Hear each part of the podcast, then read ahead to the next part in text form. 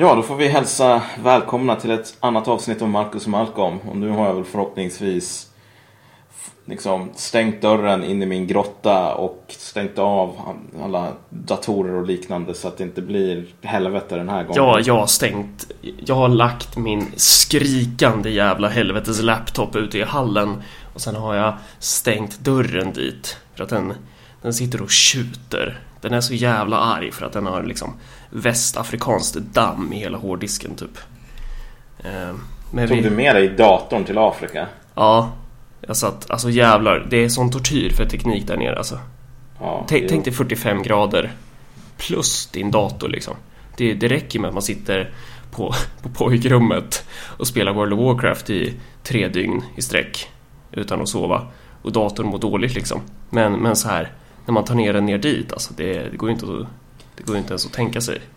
Nej, nej men precis. Ja, dagens ilandsproblem, ladies and gentlemen. Ja, tänk på tekniken i Afrika.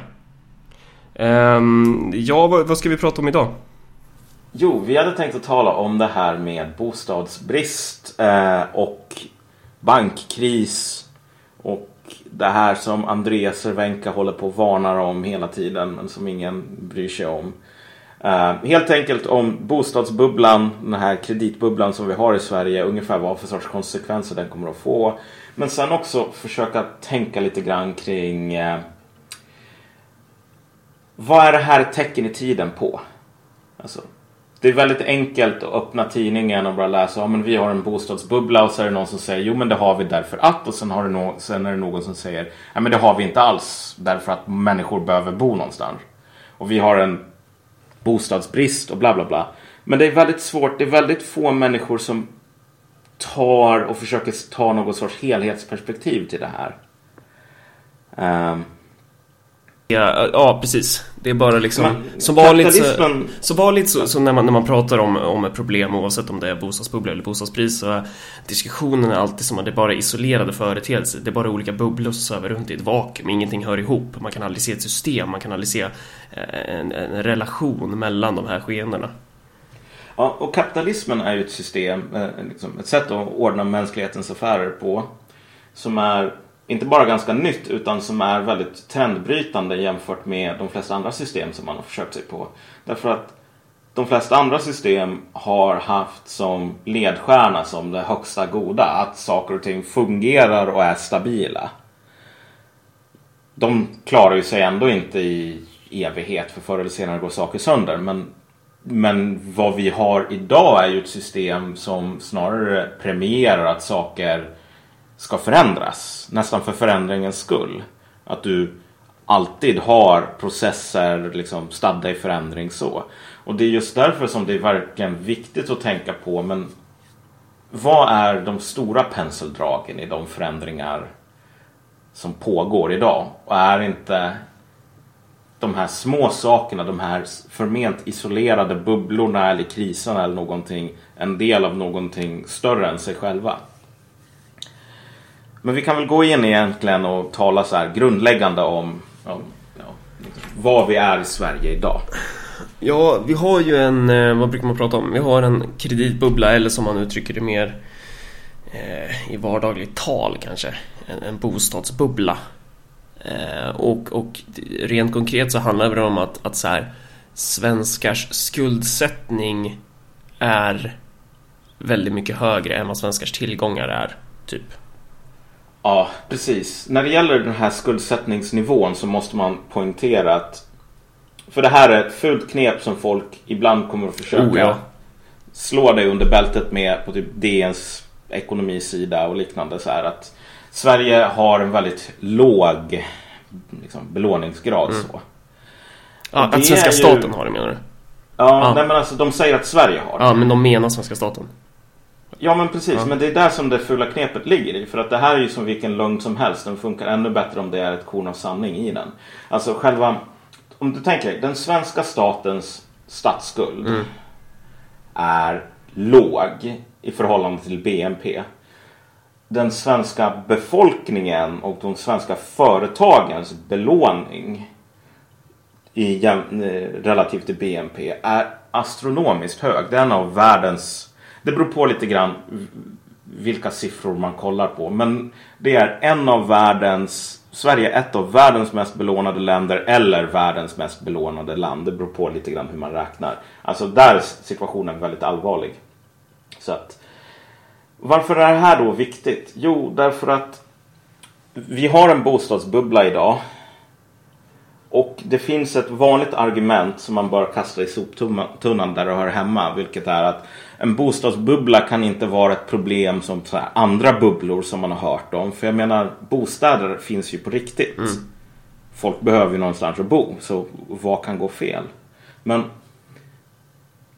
en, en, en kreditbubbla, alltså det vill säga att folk lånar massor med pengar. Den mäts inte i vad de lånar till. De kan låna till tulpaner, vilket har hänt en gång. Du hade en ekonomisk kris på grund av tulpanförsäljning.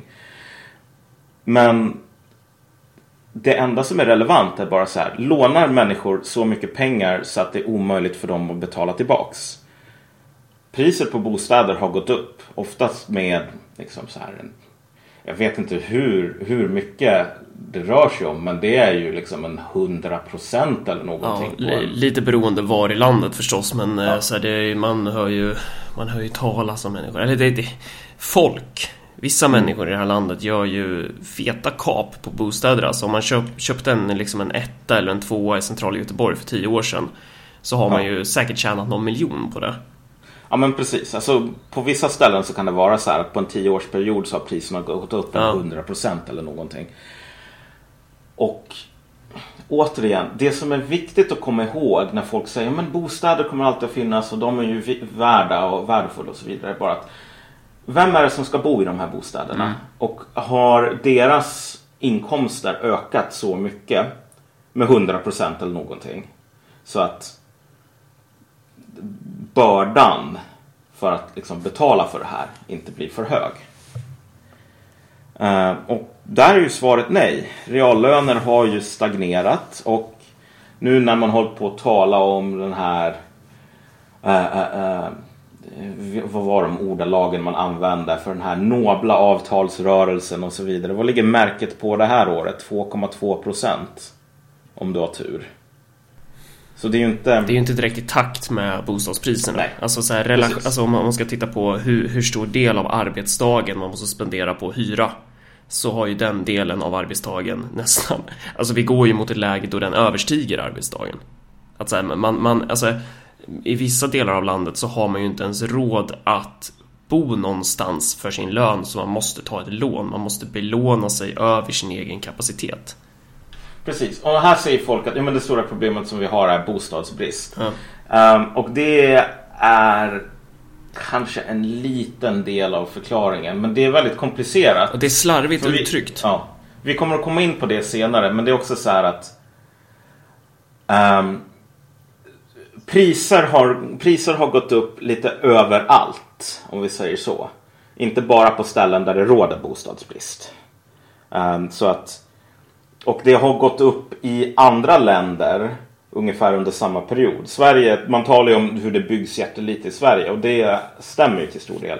Men även på andra ställen där man bygger väldigt mycket så har priser exploderat. Så en förklaring som säger att ja, men priserna har bara gått upp på grund av du vet tillgång och efterfrågan och allt det där andra som jag lärde mig i företagsekonomi. Ja.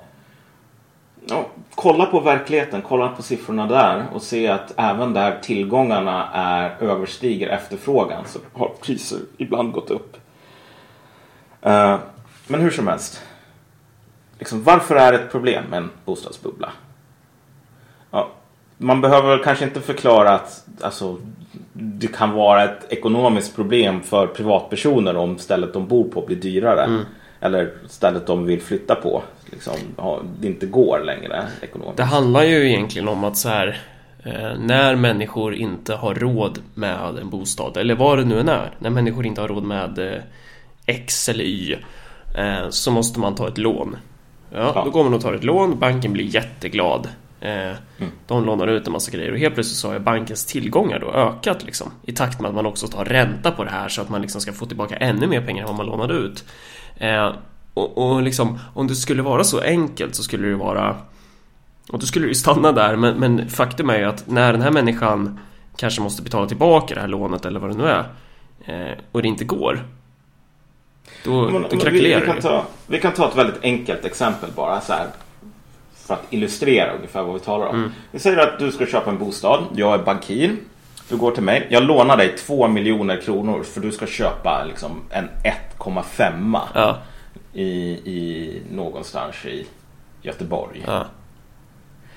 Sen så gör jag någon sorts överslag ungefär på vad räntekostnaderna kommer att bli och sen så märker jag att med amorteringar och ränta så kommer du alltså vara tvungen att betala tillbaks en 3,5 miljon eller 4 miljoner eller vad det nu kan vara över den här liksom, livstiden. Jag kommer inte att skriva så här. Jag lånade Marcus 2 miljoner kronor. Så jag har 2 miljoner kronor mindre i min bokföring. Jag kommer att säga att nu har jag ökat mina tillgångar. Ja, precis. Ja, med. Alltså. Mina, mina, vad ska man säga? Dina tillgångar, din rikedom har gått upp fast du faktiskt ja, inte har de här pengarna. Du har bara en, en, en, liksom en du inväntar på att den här personen ska betala tillbaka sin skuld. Ja. Din skuld är min tillgång. Mm. Det är så det funkar. När banker ska uh, uh, redogöra för vad de äger uh, så räknar de ju självklart in andra människors löften om att ja. betala de pengarna någon gång i framtiden som en ägodel. men det fascinerande är ju att om du tänker dig bara i termer av liksom fysiska pengar. Om jag ger dig en 500-lapp ja. Och sen säger du att du ska betala tillbaka mig 1000 nästa månad. Du behöver ju fixa dem där från någon annanstans, ja. självklart. Du får ta, ta ett jobb eller någonting. Men som en ekonomi i helhet. Min, en, min akt av att låna dig pengar och mm. säga att du ska betala tillbaks mer pengar skapar ju inte mer pengar, pengar eller värde eller någonting mm. sådant. Utan det är ju, jag gör ju en, en sorts vadslagning mm. på att om en tio år eller vad det nu kan handla om, så kommer ekonomin att vara större. Så att det kommer att finnas den här liksom, resursen att betala tillbaks. Så. Om, ekonomin, om ekonomin inte skulle växa och jag skulle låna ut pengar med ränta. Då skulle jag förr eller senare kunna bara säga att jag kommer att äga allting. Eller så kommer jag få huvudet avhugget för att folk inte tycker om ockrare typ. Men, men ränta funkar ju inte i en statisk ekonomi. Så. Men hur som helst, alltså varför är det här ett problem? Typ banker hit dit. Ja, liksom, för vad, vad händer när man inte kan betala tillbaka det här? Precis, när, om du inte kan betala tillbaka de här fyra miljonerna som du ska betala. Mm. Då är jag tvungen att gå in i min balansräkning och säga så här. Okej, okay, förut så stod det att jag hade tillgångar på fyra miljoner. Mm.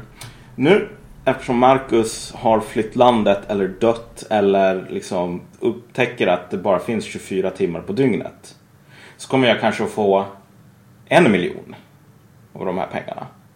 Då, är alltså, då har jag förlorat tre miljoner kronor. Alltså min rikedom, den har gått upp i rök. Poff, den finns inte längre. Men det är inte så att någon har bränt ner någonting eller någonting ute i verkliga världen har förstörts. Utan det är bara att jag är tvungen att, vad ska man säga, de antaganden som jag har gjort om framtiden. Jag är tvungen att ändra på dem. Och det låter inte som en stor jävla grej ända tills man tänker sig att... Nej, det, här, alltså det sker på en samhällelig nivå det här. Ja, precis. Och att det här är liksom, det ligger i bankers natur att de lånar ut mycket mer pengar än vad de har. Ja. Så att när 20% eller något sådant inte betalar tillbaks, då kommer de här att gå i konkurs. Ja, och det intressanta är att det du har gjort under tiden för de här 4 miljonerna, det är att du har ju lånat ut de här pengarna till andra människor också. Ja men precis. Ja, det, det är så det funkar idag. Så, så man, pengar... man lånar ju ut, alltså det lånas ut mycket, mycket mer pengar än vad som finns. Ja. Eh, och alltså pengar idag är väldigt enkelt att skapa. Du trycker på ett par tangentbord ungefär. Ja. Eh, och eh, det, det, vi behöver inte gå in på någon avancerad diskussion där. Nej. Men det räcker bara att säga så här att om pengar är väldigt enkelt att skapa så är det också enkelt att hamna i en situation där pengar hamnar längre och längre ifrån mm. den verkligheten de ska försöka skildra. Och det här... Och sen, ja. Ja, och... Ja, nej men slutför ditt resonemang. Ja, men sen när det händer, när man upptäcker att typ verkligheten och ettorna och nollorna i min bokföring mm. inte hänger ihop. då är det alltid bokföringen som är tvungen att ändra på sig, inte verkligheten. Därför att den, den är ju som den är. Och vad betyder det här i, i, liksom, i praktiken då?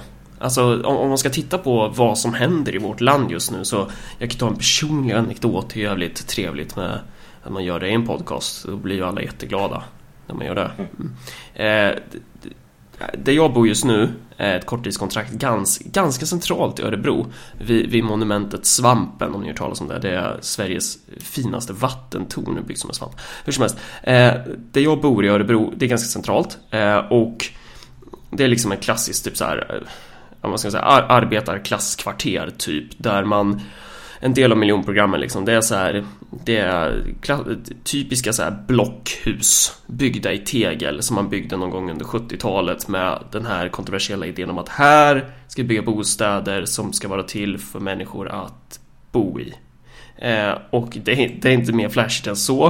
Eh, men nu så har det kommunala bostadsbolaget Örebrobostäder kommit fram till att de ska renovera de här bostäderna och då är det inte liksom en praktisk renovering bara man ska här, byta ut eh, liksom ventilationssystem eller nå någonting som har blivit lite för gammalt utan då handlar det om att man ska glasa in balkonger, man ska så här givetvis lägga på sån här fräsch träfasad och alltså man, man ska fräscha upp det eh, och, och, då hade man ett möte med de boende i kvarteret och man förklarar liksom att ja det här är vad vi kommer göra och det enda de människorna som bor här, liksom vanliga knegare så eh, och, och mycket pensionärer är ju mest bara såhär, okej okay, kommer jag råd att bo kvar i mitt hus? Eh, och det är ju den enda frågan som man inte svarar på utan då gör man ju så här riktigt krystat bajsnödigt eh, grått byråkratsvar alla Sverige. Att man bara, nej men det är en sak som vi inte riktigt har förhandlat fram än. Men man kan ju räkna ut med röven att så här, hyrorna kommer gå upp en 2-3 tusen i ett sånt här kvarter. Och det här är ju ett skeende som sker över hela Sverige. Där man liksom skickar ut eh, de breda lagren av arbetarklassen för att få in typ, eh, jag vet inte vad, eh, fräscha mellanskiktsmänniskor som jobbar med Twitter eller någonting annat. Eh, så att, så att man ska få in mer pengar i kommunkassan. Typ. Att man hela tiden, alltså när priser går upp i höjden så arrangeras sociala relationer om. Mm. Pengar är sociala relationer. Ja. Jag vet att det är svårt att tänka på, alltså det är svårt att tänka på pengar som någonting annat än som jag vet inte, Pippi Långstrumps skattkista med guld typ som, som något så här reellt. Och det är därför som alla, det finns alla de här fetischerna att ja, men om vi bara om pengar vore guld igen, då skulle allting lösa sig. Det är enkelt att tänka så, men det är fel. Pengar är sociala relationer. Och såna, det som du beskriver är ju en annan effekt av den här sortens skenande bostadspriser. Mm. Liksom den processen.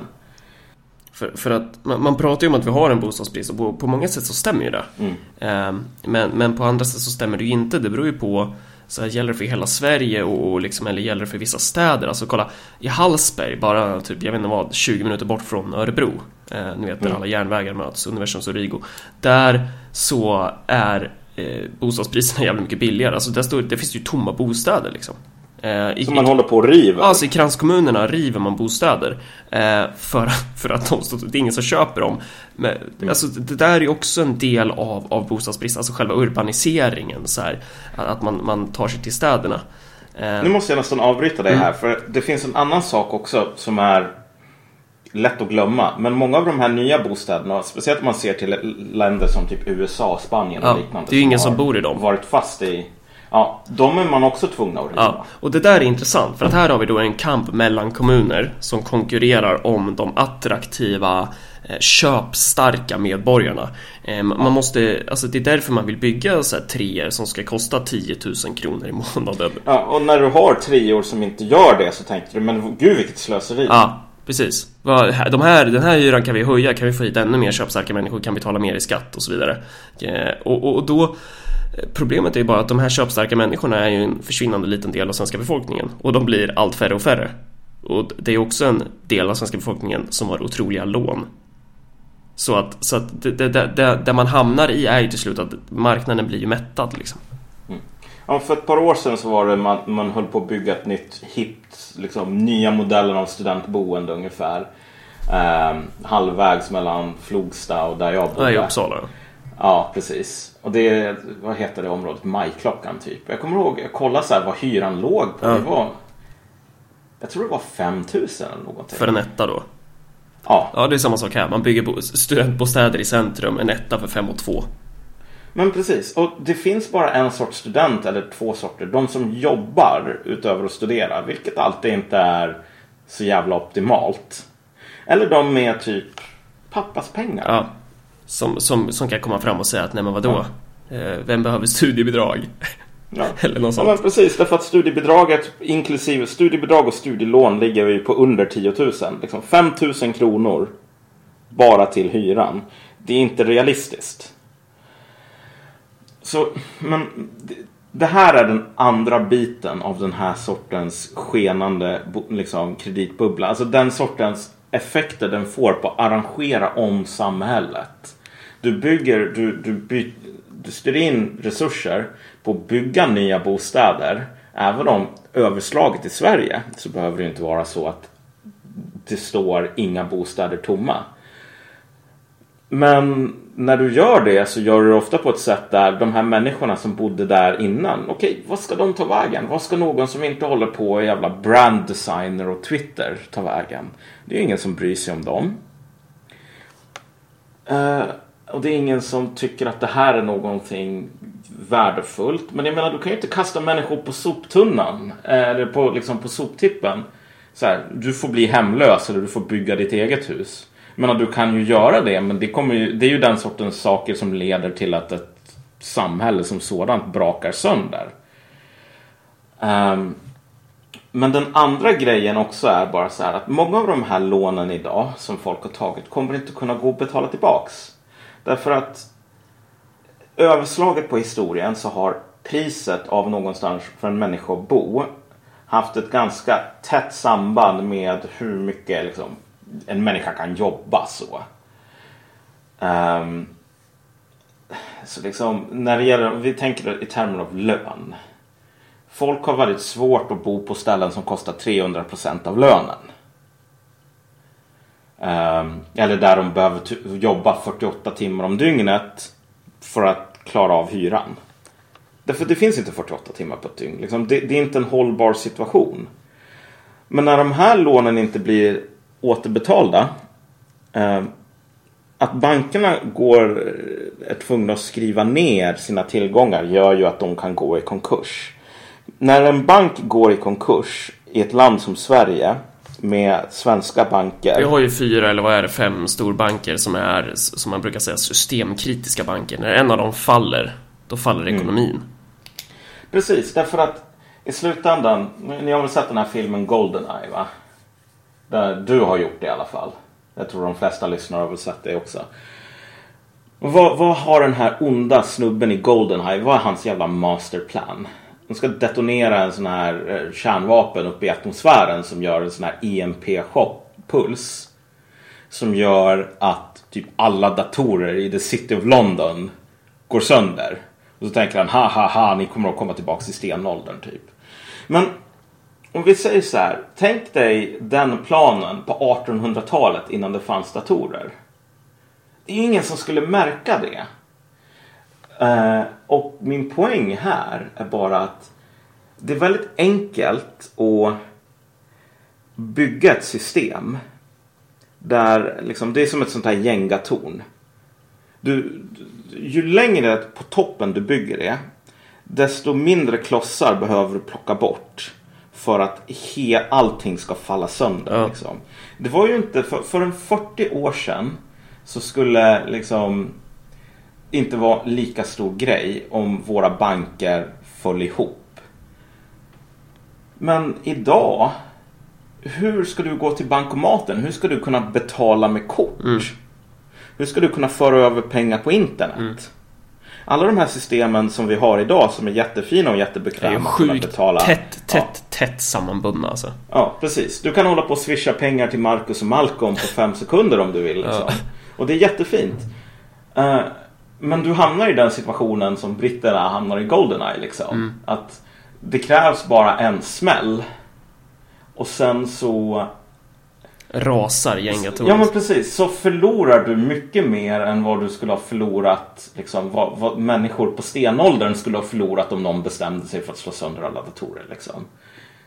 De skulle inte bry sig. De, de, de har sett att klara sig utan datorer.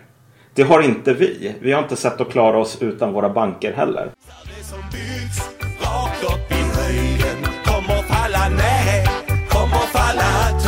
Sakernas tillstånd, inget mysterium. Historien upprepas om och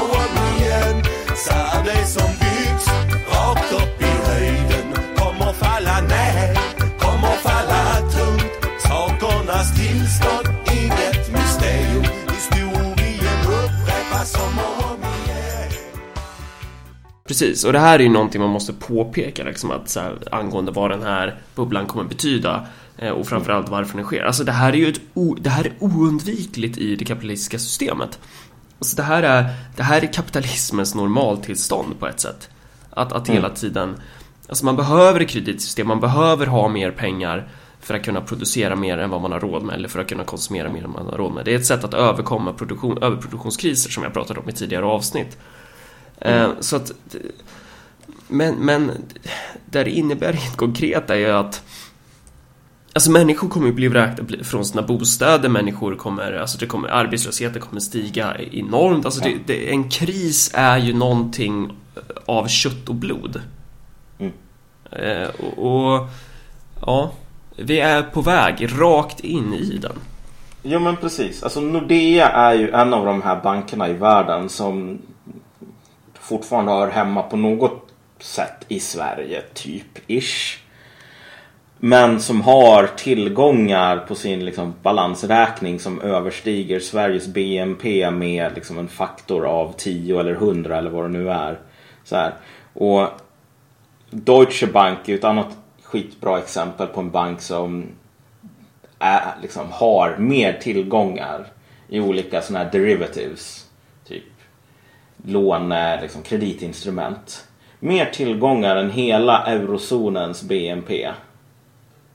Och då är det så här, eurozonens BNP är kanske en femtedel eller ännu mindre av vad Deutsche Bank äger på pappret.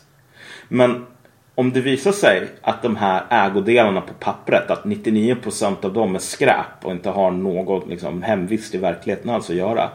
Då kommer böket medan man försöker hitta den här kvarvarande 1 procenten kommer att vara sådan så att Folk kommer att gå till bankomaterna och upptäcka att det inte finns några pengar och sådana där saker. Alltså det, det är nog det som är risken med sådana här sönderfall. Inte att vi kommer att få någon sån här zombieflugornas herre.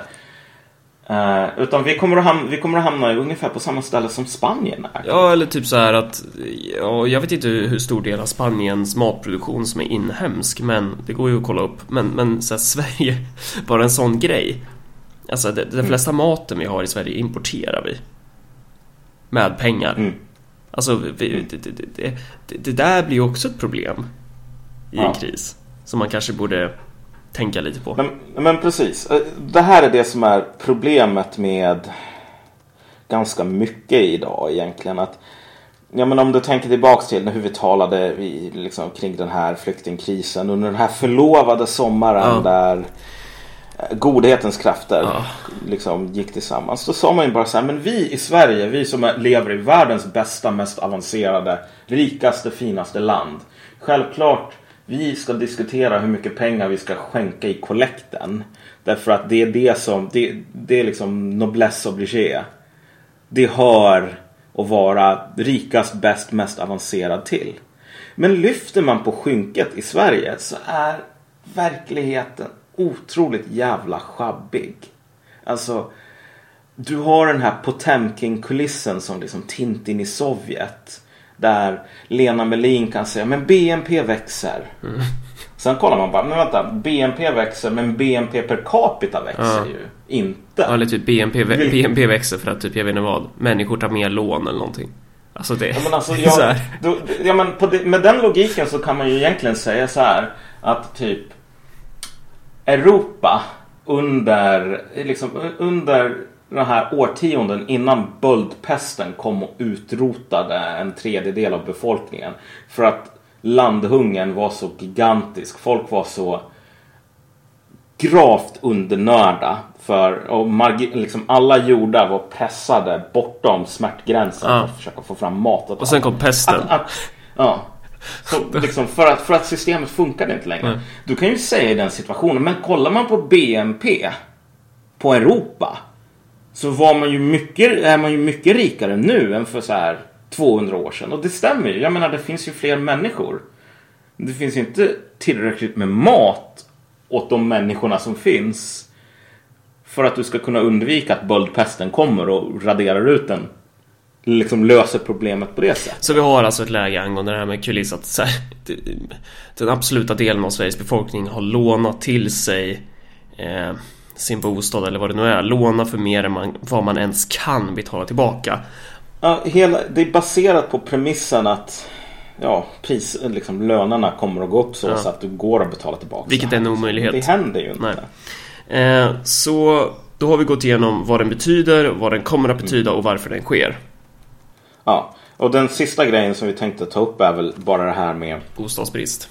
Precis, alltså den diskussionen, det här med bostäder, det fokuset. Det är inte så himla, det är jävligt narigt. Alltså den, den, ut, det, det den utgår ju från fall, samma falska eh, idé eller så illusion om vad, hur det här fungerar egentligen. Eh, så här, många människor, det är väl främst, eh, jag inte, folk vad ska man kalla dem? Socialdemokrater av idag liksom som, som vill, de kallar sig inte det själva men det är ju vad de är. Som vill liksom typ så här. Ja men vi kan få ner bostadspriserna genom att bygga massa bostäder eller vad det nu är liksom. Eh, att, att, hela diskussionen om bostadsbrist är ju jag vet inte ens var jag ska börja angående det här. Fan, du, du får ta det. Men, men, men tänk så här. Jag, jag, kan, jag kan läsa ETC. Jag kan kolla på Facebook. Jag kan läsa så här liberal debatt om jag är galen nog att göra det. Men från vänster till någonstans på högern så råder det väldigt bred konsensus idag om att jo, men, så här, vad vi behöver, det här smarta, är ju att vi ska låna pengar eller något sådant. För Sverige, staten har så jävla låg belåning. Precis som man sa typ i Spanien innan, innan bostadsbubblan kraschade. Och så gick den där belåningen upp av någon anledning. Hur som helst. Vad, vad den smarta grejen att göra idag är ju att bygga massor med nya bostäder. Vi behöver ett stort infrastrukturprojekt. Vi behöver bygga, bygga, bygga.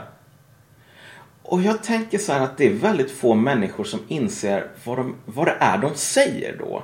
Därför att det här har blivit, det här har blivit typ en... Det här har blivit som att säga liksom en bön på latin typ. Du behöver inte tänka på orden. Det är inte orden som är poängen. Så liksom, jag har stor respekt för Kajsa Ekis till exempel. Men nu i ETC nyligen så skrev hon någonting. Det här var liksom bara en, två meningar. Det var inte det som var poängen med artikeln. Men, men typ att jo, lösningen är typ att vi behöver den här stora investeringen. Bygga, gräva, jobba så att vi kan ha mat, jobb, eh, bostad åt alla. Men så här. Att säga så är att säga att ett Sverige där eh, du har väldigt många ställen som håller på att ruttna bort och dör mm. och där man är tvungen att riva bostäder för att ingen vill bo i dem. Att, att säga i det att problemet är att vi har en bostadsbrist är ju på något sätt att säga att urbaniseringen, den, den processen, så att alla ska bo att Sverige ska sluta vara Sverige och Sverige ska börja vara så här Malmö, Göteborg, Uppsala, Stockholm. Mm. Att det, du, du tänker inte ens på att det är det du säger. Men alltså för att acceptera den här sortens urbaniseringen utan kommentar. Mm. Så är det ju i slutändan det du gör. Så här. Självklart, okej, okay, det finns inte nog med bostäder åt folk som vill bo i Uppsala. Men är det ett argument för egentligen att man måste bygga fler alltså, bostäder i Uppsala? Det är ingen egentligen idag som ställer frågan, men är den underliggande processen här hälsosam? Mm. Kommer den att leda någon vart eller kommer den att leda åt helvete? Urbaniseringsprocessen är ju liksom samma Alltså det är av samma skit, av samma skitstorm som alltså det övriga kapitalistiska systemet. Att, att, att så här, det, det hänger ju ihop med, alltså allting hänger ju ihop. Dels urbaniseringsprocess med att priser skjuter i höjden och allting. Eh. Men idag så säger folk bara så här, men urbanisering, ja ja men du Marcus, du kan ju, du kan ju hålla på med din jävla raljanta bla bla ja. bla. Men fattar du inte att det här är framtiden? Ja men precis. Det, urbanisering, att, att, det är framtid, man, det är modernt. Man köper det som en, en normalitet. Man köper det som att, eller man ska spela på dess premisser typ. Ja. Eh, och, alltså, och, och, det är du... det som gör att det blir så svårt att prata sådana här grejer för att, eftersom det är systemfel. Och man kan inte ja. komma med en så här jättesimpel lösning på det eftersom det är ett systemfel. Eh, ja, men, okay, så jag, jag, kan ta, ta det här exemplet ja. bara. För jag tänker så här. Om jag skulle säga på klampa in på ETCs redaktion och säga vet du vad, kanske så bör vi inte jubla hejvilt för den här sortens urbanisering och typ alla vill flytta till Uppsala eller något sådant. Folk skulle ta, se på mig som om jag vore en jävla oga-boga grottmänniska som kom där och bara Vet du vad, jag har en ny träpåk här som jag tycker att vi borde eh, Använda i militären. Byta ut AK5 mm. mot liksom. En träpåk och ett par stenar. Ugg. Men så här. Det här med liksom den totala bostadsbristen på Uppsala börjar bli ett sjukt stort problem. Eh, efter att jag flyttade hit till och med. Alltså när jag flyttade hit då kunde man faktiskt få en, en studentlägenhet på eh, här, en nation utan att behöva typ knivmörda någon för det. Men jag flyttade hit innan den här stora ekonomiska krisen. 2007-2008. Efter det så började jättemånga fler människor precis, i Sverige, precis som de gjorde i USA, liksom, eh, att plugga. Därför att det fanns inga jobb. Och pluggar man då måste man ju bo vid eller nära ett lärosäte. Men vad har det här lett till i USA idag? Du har en gigantisk studielånsbubbla som kommer att liksom kollapsa. Och alla de här människorna som pluggar, de fick ju inte jobb för fem öre. Därför att det enda som du fick var massor med sjukt jävla panka jurister med studieskulder som de inte kan betala tillbaks under sin livstid. Därför att medicinen som folk sålde dem på problemet var en individuell lösning. Okej, okay, det finns ingen jävla kneg i Degerfors. Men du kan ju bli advokat. Flytta till Uppsala, plugga. Och med tanke på vilken sjuhelvetes jävla katastrof det här har blivit i USA. Med gigantiska sociala problem med så självmord, skuldsättning, allting sånt. Eh, varför ska jag, även om jag vill vara, inte liksom grottmänniska utan 100% modern, jag står, jag blickar in i framtiden och så vidare. Varför ska jag egentligen säga att självklart, bygg fler bostäder i Uppsala och Fuck resten av landet. Alla ska utbilda sig till att bli jurister. Det här är framtiden. Liksom, man måste fråga sig om det är tågspåret som man håller på och åker på. Vart någonstans det slutar. I en bom eller i en jävla klippvägg typ. Så, och det är ju något som ingen gör idag när det gäller det här med så här, ska vi bygga fler bostäder i Stockholm? Så det är där som där vi försöker få, få sagt är att vi har en bostadsbrist i relation till idén om att så här, all, alla ska bo i, i, i de större städerna. Men ingen ställer sig frågan om den idén är bra. Mm. Eller om den ens skit är bra. Om den typ om den... har en framtid. Ja, precis. Ja. Och det kommer vi, vi kommer att prata mer om urbanisering i, i, nästa avsnitt. Blir det väl antagligen tror jag. Ja, det är ju förhoppningen. Um... Um, för det här är ju intressant. Uh, och det är, alltså, det är värt att... Kolla, i, varken du eller jag vill väl få sagt nu att det som alla bör göra som fria tänkande individer är att flytta till uh, Degerfors eller till eh, Hallsberg. Mm. Men vad vi vill lyfta Såvida här... de inte är, är kadermedlemmar och är ja. redo att bygga upp ett bra lokalparti i dessa Ja, stöd. precis. Jo, då borde man... Då är det här verkligen framtidsmarknaden. Inga liksom. frågor, det är bara stick. Mm.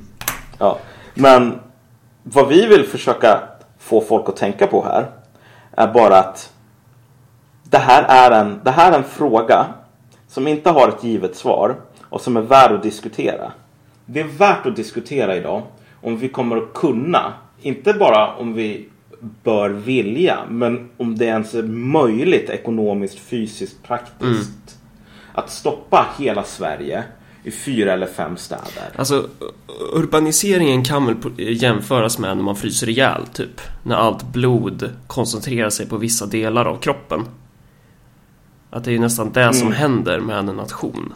När, när man utarmar landsbygden så som man gör det. För det är ju det, det blir, det, det, blir inte balanserat alltså. Kapitalismen är ineffektivt, det är obalanserat och man måste se bortom den för att kunna bryta med dess logik liksom. Ja, nej men precis. Vad, vad, vad tänker man om alla de här människorna som inte bor i Stockholm, ja. Göteborg, Och som också Malmö, så här, som inte kan bo i Stockholm och Göteborg. För att vad gör man när man kommer dit? Det är ju inte direkt som att så här, arbetsmarknaden där kommer öka. Det är inte direkt som att alla kan jobba med de här värdelösa skitgrejerna som de på Södermalm i Stockholm gör. Eh, och det är ett faktum. Vi kommer behöva mm. människor som typ jobbar inom jordbruk. Det, det är viktigt. Så här, jag vet inte vad, eh, någon värdelös jävla hipstertidning. Det är inte viktigt. Mm. Ja men precis. Men, men det som de flesta egentligen har gjort idag. Det är att bara säga fuck de här människorna. Fuck dem. Mm. Och, de, och, och inte bara fuck dem, jag bryr mig inte om dem. Det är okej okay att jag inte bryr mig om dem för de förtjänar det här. Mm. För att de är dumma i huvudet. Och jag kan tänka mig, du och jag var ju båda medlemmar i Ung Vänster. Ja. Folk skulle vilja, alltså så här, halshugga sig själv med en jävla designerkorkskruv. Snarare än att någonsin skämta om typ svarta människor och vattenmeloner. Ja. Varför då? Jo, för att det här är en hatisk karikatyr. Ja. Men man kan gärna bara... skämta om vit svensk arbetarklass. Precis, ja. Alltså, det är det som är så fascinerande. Hur, ja, åker du till USA, till San Francisco och talar med människor där. Det är så här, liksom den, den nivån av kompakt förakt och avsky mot folk som inte bor på kusterna är ju sådan så att den här skulle få en jävla Ku Klux Klan medlem och tänka så här va. Men vänta lite, så här mycket hat kan väl inte vara hälsosamt typ. Men det är okej. Okay. Det är okej okay att hata på de här människorna. Därför att folk i Ung Vänster, folk i etablissemanget, om vi ska säga så, behöver hata människor på landsbygden precis som Ku Klux Klan-medlemmar behövde hata på svarta i södern. Det här var ett system byggt på att de här människorna inte kunde behandlas som vi. Därför då skulle allting braka ihop. Då måste man ju hata den andra. Och, och det är därför som vänstern idag måste hålla på att tala om rasister och jävla bondläppar och vita kränkta män och ditten och datten. Ja. Därför att systemet brakar ihop. om man inkluderar de här. Och problemet är ju också att det finns ju väldigt få eh, alltså jobb idag inom, inom mm. kapitalismen i de här i, på, i glesbygden liksom.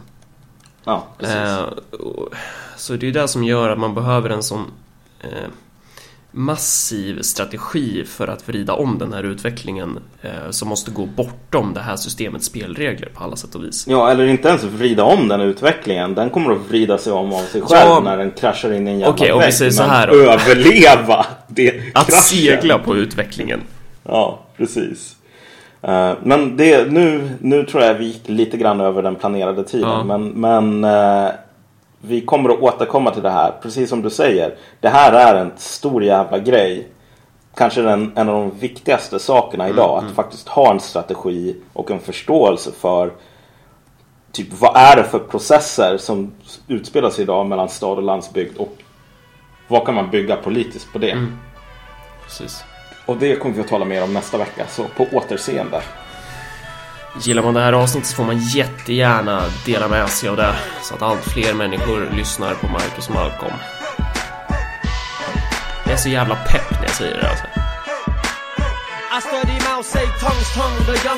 Lock load and bust one, champion with it like pum pum. Lebanon gorillas hit a Avon from 10 yards with little pebbles. I call it strength and all. But when it's broadcast on Robin, they savages like Tarzan. They never give the background story, they rather damn your pussy with trickery and headline news. It's nothing new, and if it's only half the truth, it ain't true. Living proof that gorillas in the Philippine jungle won't stop, won't quit till the babies don't struggle. I rumble with colonization's effects on my people homes. The buck stops here with a buck to your ears. The current affairs that wear my fellow organizers out. Same machine that be wake my fellow activists out. From the comfort of the couch, we make critiques of the world. While little girls in the mountains let the sunshots hurl. Is you ready? All day, dog. Whatever you say, dog. Megaphones up, bandana across the face, dog. Always, dog. Whatever you say, dog. Rifle to the sky, bandana across the face, dog. All day, dog. Whatever you say, dog. Megaphones up, bandana across the face, dog. Always, dog. Whatever you say, dog. Rifle to the sky.